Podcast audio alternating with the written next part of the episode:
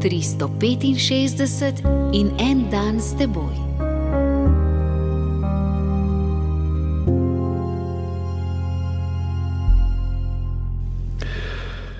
Iz prvega pisma Korinčanom, deseto poglavje, 23. in 24. vrstica. Vse je dovoljeno, vendar ni vse koristno. Vse je dovoljeno, tudi vse ne izgrajuje. Nihče naj ne išče svoje koristi, temveč korist drugega. Moja svoboda se konča tam, kjer se začne tvoja. To se zdi nedotakljiva resnica. V resnici pa je trditev nespametna in nevarna. Če se moja svoboda konča tam, kjer se začne tvoja, si ti za me neizogibno neka ovira, omejitev, nevarnost. Premislimo. Sem na samotnem otoku. Kakšna veselica. Lahko delam, kar se mi zdi. Prideš ti in veselice je konec.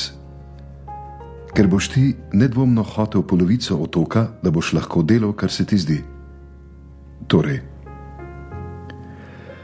resnica je, da se moja svoboda začne tam, kjer se začne tvoja.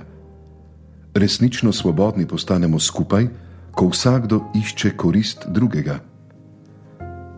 Vrnimo se na samotni otok. Dokler sem sam, se lahko z glavo zaletavam v debla palm, kolikor hočem. Ampak to nikdo ve, kako velik dosežek. Prideš ti in stvari se obrnejo na bolje. V dvoje nama lahko uspe marsikaj, in še lepše bo, če bo prišlo še sto drugih. Če bodo le vsi razumeli svobodo kot iskanje tistega, kar je dobro za vse, ne pa lastne koristi. Drugače ostanemo sami in se zaletavamo z glavo v palme, ali pa bomo potrebovali policijo. V vsakem primeru pa bi bil to poraz za svobodo.